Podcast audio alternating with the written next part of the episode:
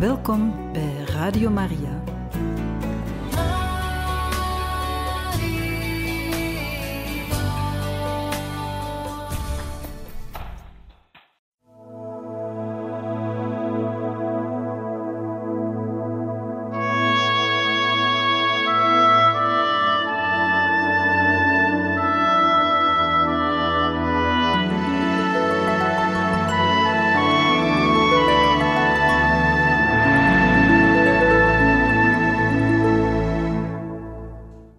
Zijn nog altijd bij het hoofdstukje Moedeloosheid, winter 1884-1885.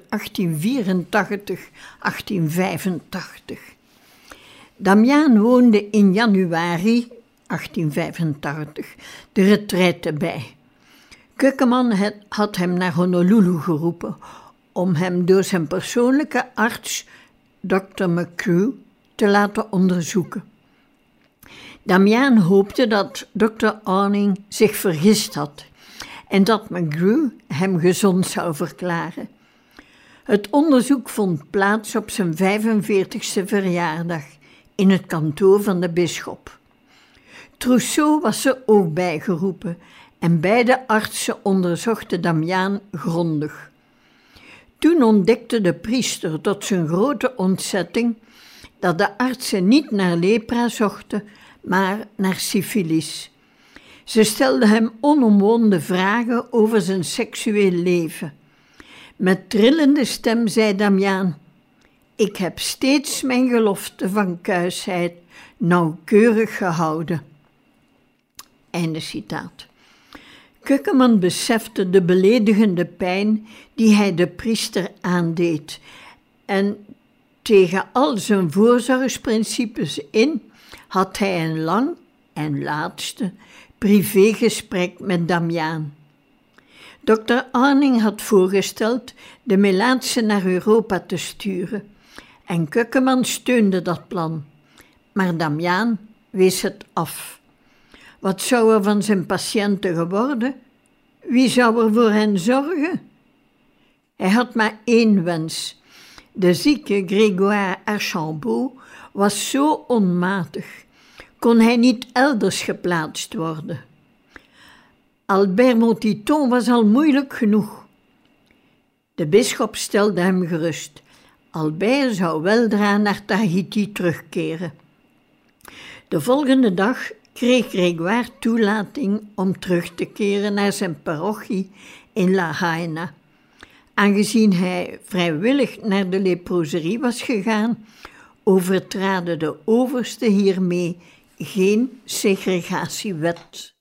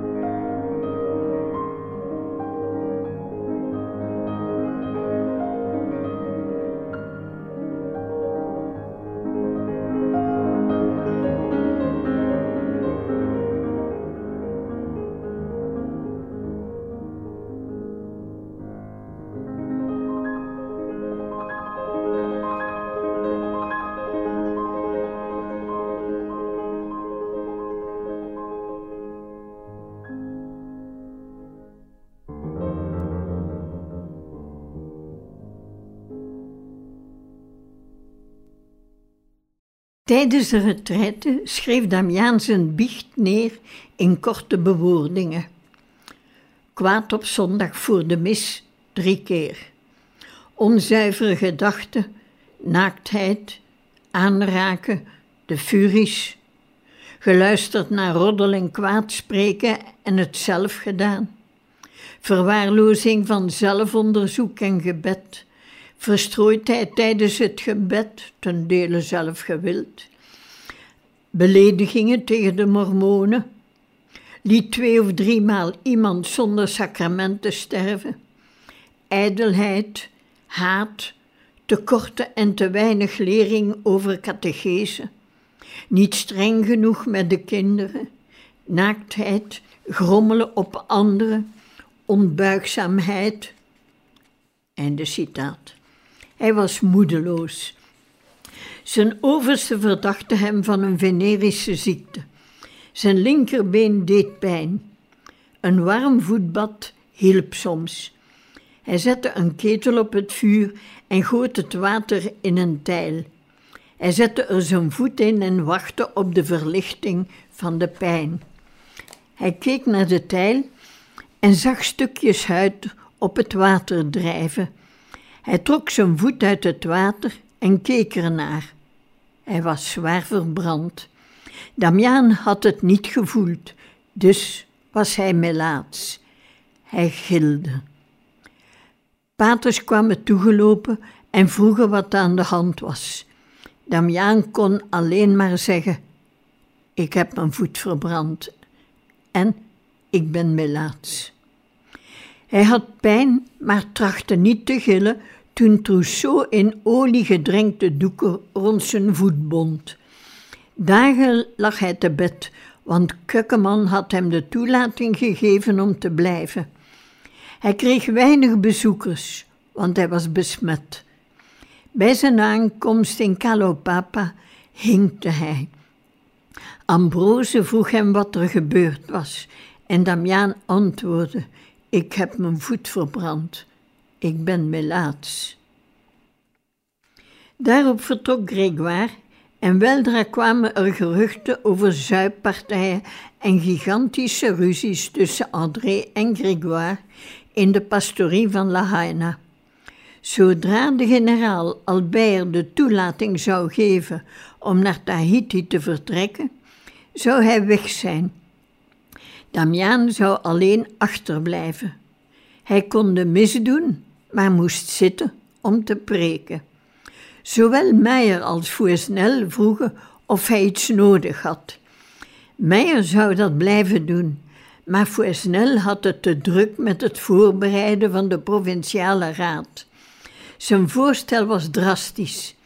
De leden van de Picpus-congregatie moesten alle fysieke contacten met Melaatse vermijden. Ze mochten voortaan geen voorwerpen meer aanraken die Melaatse in handen hadden gehad en moesten kamferazijn inademen voor ze de biecht van een Melaatse hoorden of hem sacramenten toedienden. Ieder deel van het lichaam dat een Melaatse had aangeraakt, moesten ze wassen met een oplossing van carbolisch zuur of een ander desinfecterend middel. Melaatse pikpusleden moesten aan anderen denken. Ze mochten de anderen niet aanraken en hun geen besmette voorwerpen doorgeven.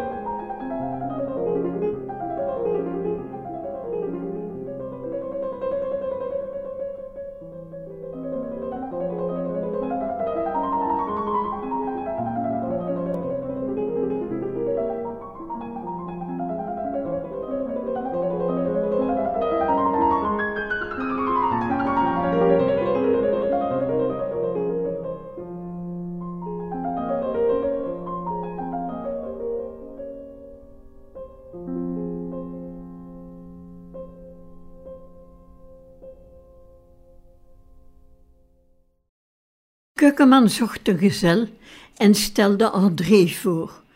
Daarop schreeuwde Damiaan op papier: Ik zal nooit met hem kunnen leven, niet als zijn biechtvader, niet als zijn biechtling.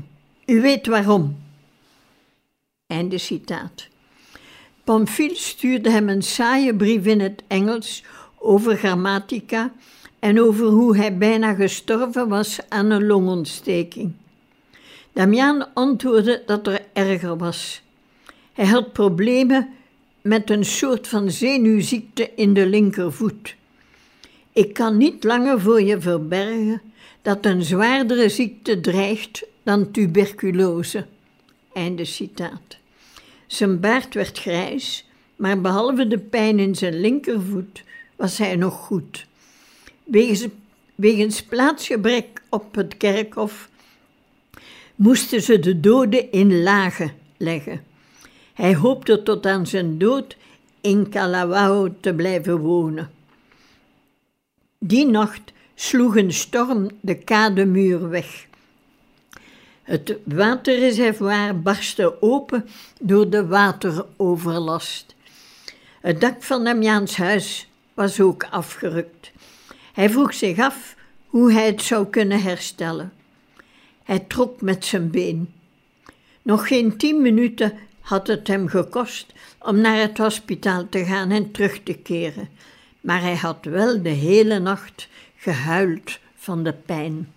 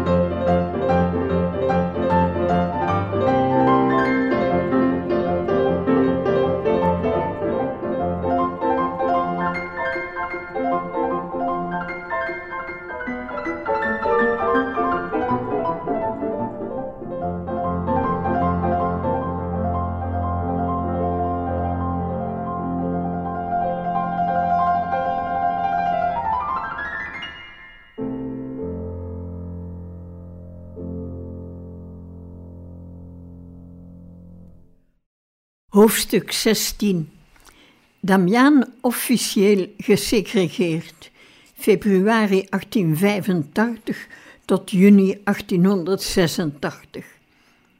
Pijn, eenzaamheid en nog een syfilisonderzoek. In februari-maart 1885. Soms beet Damiaan in zijn kussen om het niet uit te schreeuwen.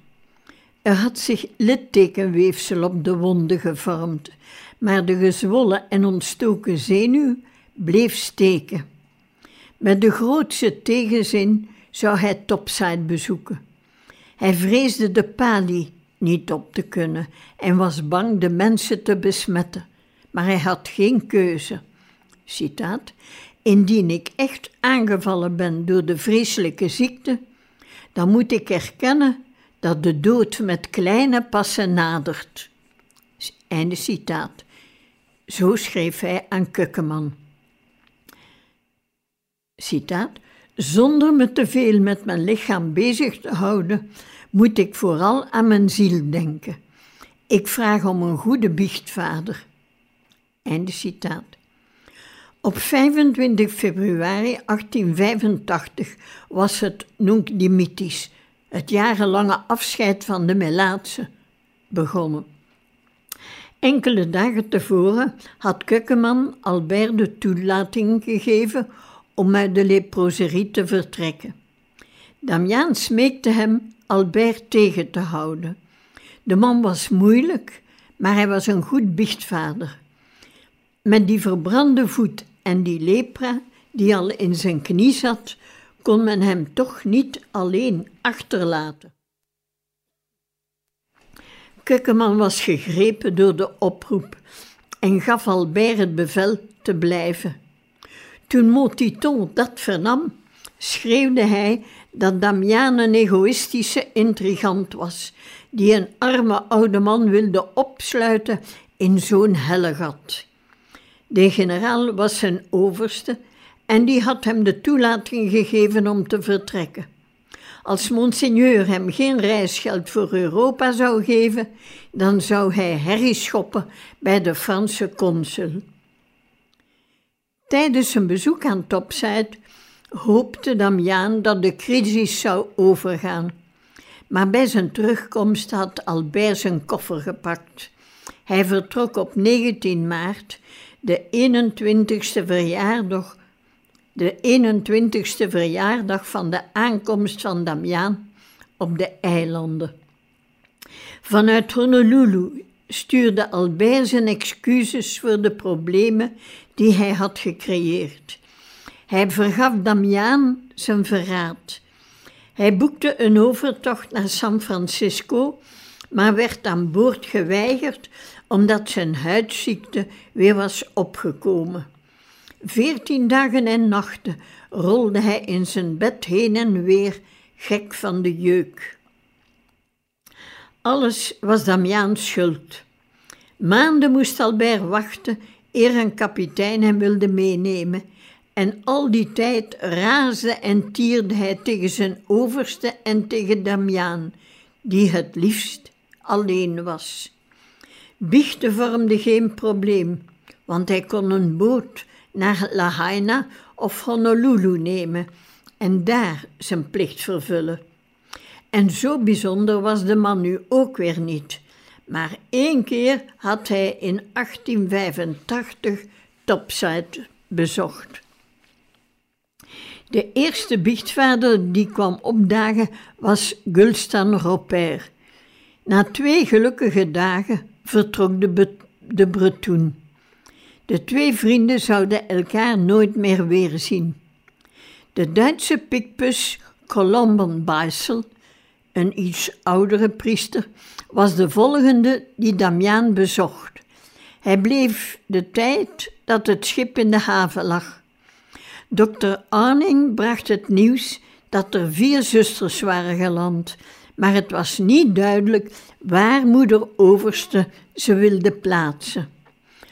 Arning had ook een opdracht van de bisschop.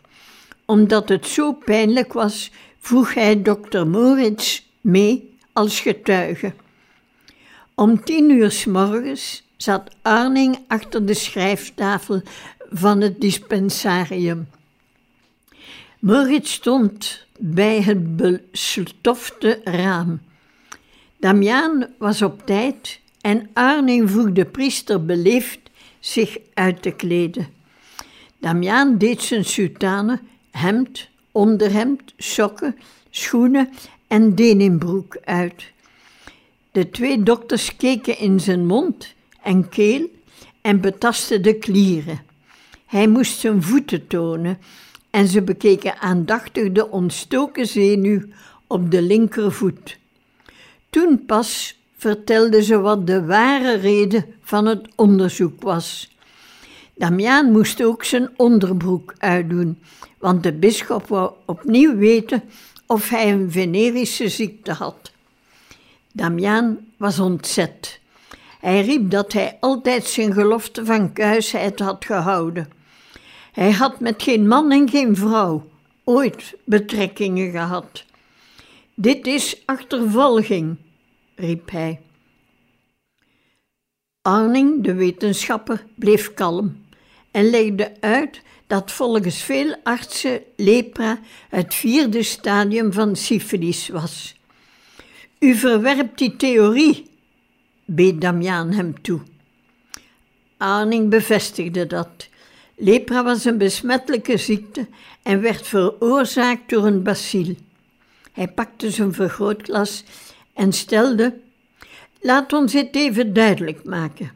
Ik heb een even grote hekel aan dit onderzoek als u. Arthur is hier als getuige. Kleed u uit dat we zo snel mogelijk vanaf zijn. Einde citaat. Kin omhoog, tranen over de wangen, stond hij in het midden van de kamer. Arning knielde voor de priester om de geslachtsdelen te bestuderen. Hij vond geen chankers, maar nam toch een pincet en een vergrootglas. Moritz vond dit vernederend. Hij wandelde naar het venster en keek naar de stoffige weg. Arning riep hem, maar Moritz bleef voor het raam staan. Ik vond geen chankers, ging Arning door. Wil jij met het vergrootglas kijken? Moritz moest getuige zijn en dus keek hij heel snel en heel vaag. Dan herkende zijn verontschuldigende blik het verwijt in de ogen van de priester. Waarom kijkt u zo naar me? vroeg Arthur nerveus. Denkt u dat ik hier verantwoordelijk voor ben? Ik wist hier niets van. Damiaan zweeg, maar bleef intens verwijtend kijken. Zeg het hem toch, Edward, riep Maurits. Help me, leg het toch uit. Toen zei Arning dat Meijer verteld had dat Maurits over geflikvlooi met vrouwen had gesproken.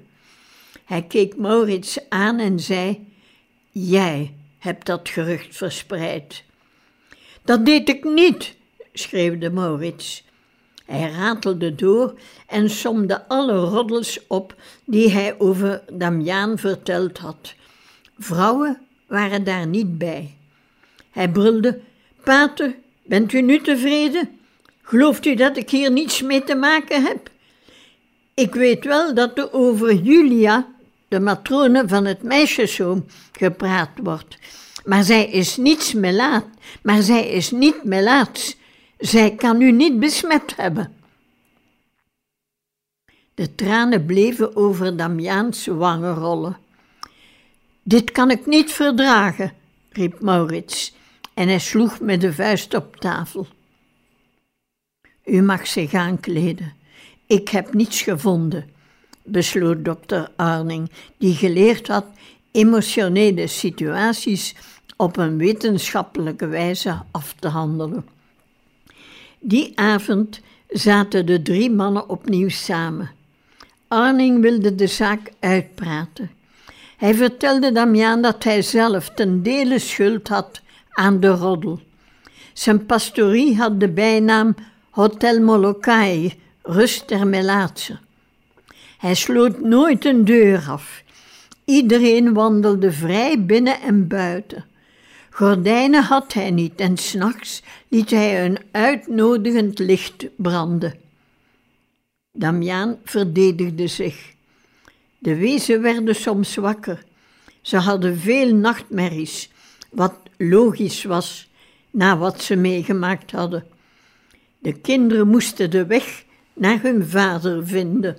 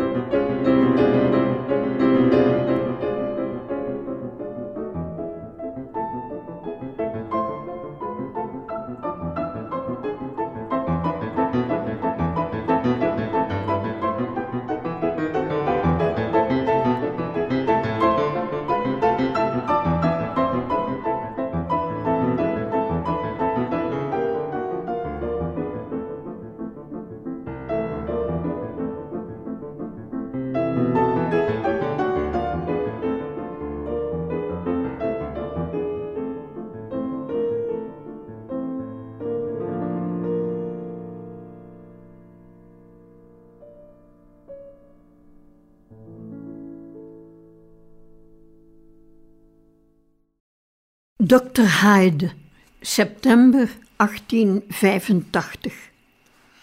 Tijdens zijn bezoek van een week onderzocht Arning alle patiënten om te zien wie voor verdere verzorging naar Kakako mocht en wie op Molokai moest blijven om daar te sterven. Koningin Kapiolani had hem ook gevraagd alle kinderen van Melaatse ouders te onderzoeken en een lijst te maken van degenen die nog gezond waren. De plannen voor een home voor gezonde meisjes in Kakako waren goedgekeurd. In die week nam hij ook veel foto's. Dat was voor de orkaan op het eiland Kauai insloeg. Ook op Molokai werden verschillende gebouwen beschadigd. Dr. Fitch kwam de schade opmeten. Dr. Charles Hyde, het hoofd van de Congregationalistische missie, had zijn wederindienstneming bepleit. Fitch was blij te horen dat de pijn in Damiaans voet weg was, maar schrok van zijn rechteroor. Het was gezwollen en zat vol lepromas. Fitch vroeg Damiaan om dokter Hyde, het hoofd van de protestantse gemeenschap, te helpen tijdens zijn bezoek. Hij was een correct man die eerlijk wilde werken voor het welzijn van de naasten. Begin september 1885 leerde Damiaan Hyde kennen als een vriendelijke, beleefde, hooggeschoolde Amerikaan. Hij was midden vijftig, blond, elegant, een academicus. Toen hij nog op de Amerikaanse oostkust in New England woonde, had deze afgestudeerde van Princeton University strijd geleverd tegen alcohol- en drugsmisbruik bij de arbeiders, maar hij was daardoor in de problemen geraakt. Een oom had hem de opdracht kunnen toespelen om in Honolulu het theologisch seminarie te herorganiseren. Hij moest ook een programma opzetten waardoor Hawaïanen een opleiding tot predikant kregen in eigen land of tot missionaris in Micronesië. Hyde woonde sinds 1876 in een groot huis in de chique Beretania Street.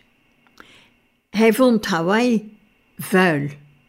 Hij was bang voor de lepra en toen hij in 1884 uitslag kreeg op zijn voet, vreesde hij besmet te zijn.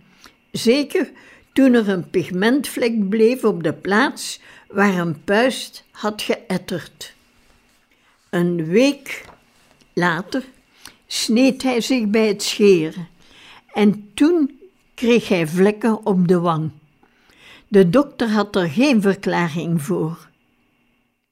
Lepra is een enorme schok voor me geweest. Einde citaat. Gaf Haide in een brief naar Amerika toe.